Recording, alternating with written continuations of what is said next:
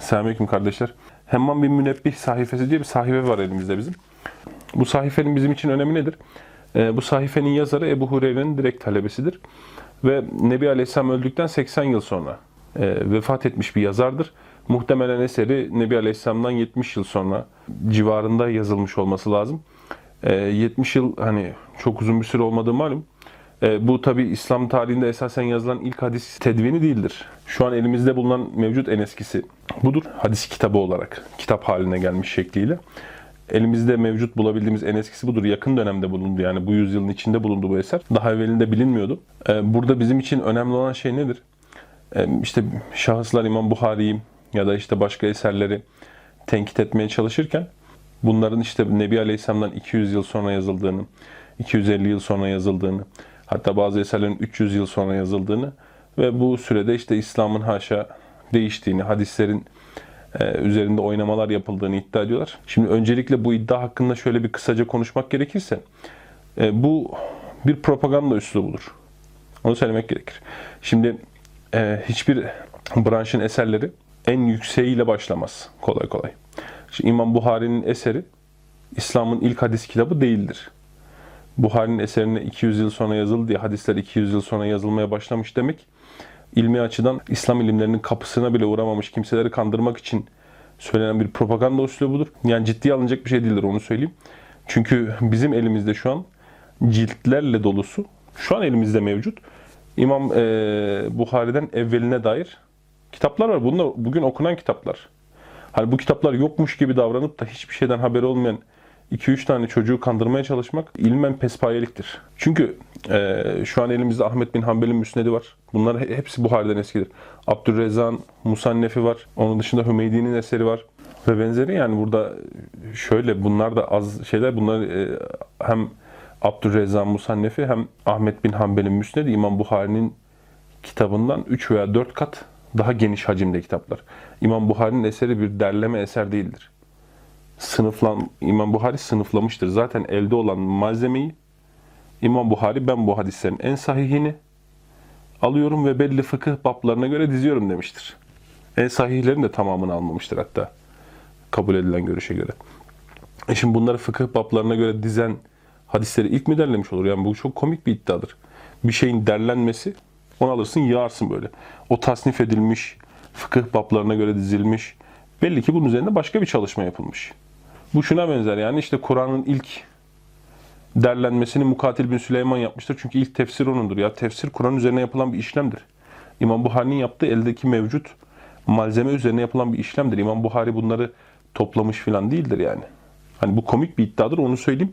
Bu meseleye çok uzun e, burada girmek doğru olur mu bilemiyorum. Ama bizde yani usul ilimlerine dair hiçbir bilgi kırıntısı olmadığı için biz burada Allah izin verirse hadis usulü ve fıkıh usulü dersi de yapacağız.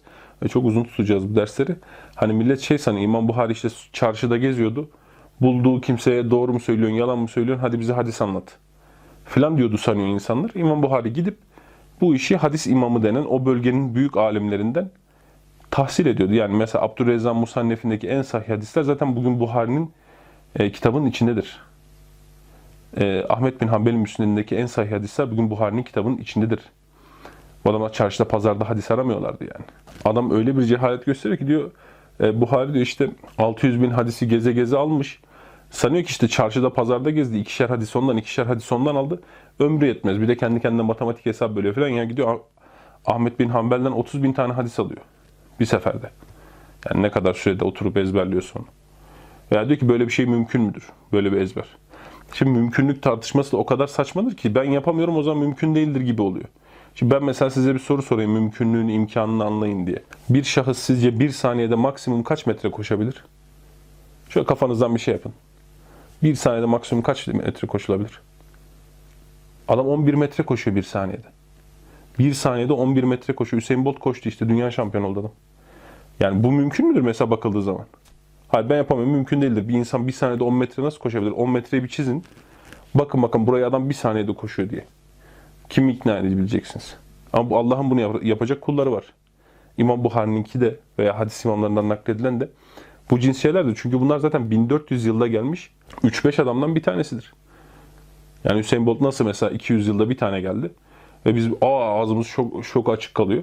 E, 1400 yılda gelen ve bu konuda tamamen köşe taşı olmuş bir adamın çok şaşkınlık verici bir yeteneğinin olması çok anormal değildir ki bu tahsil edilemez bir şey değildir. Bu meselenin detayına çok girip boğmak istemiyorum.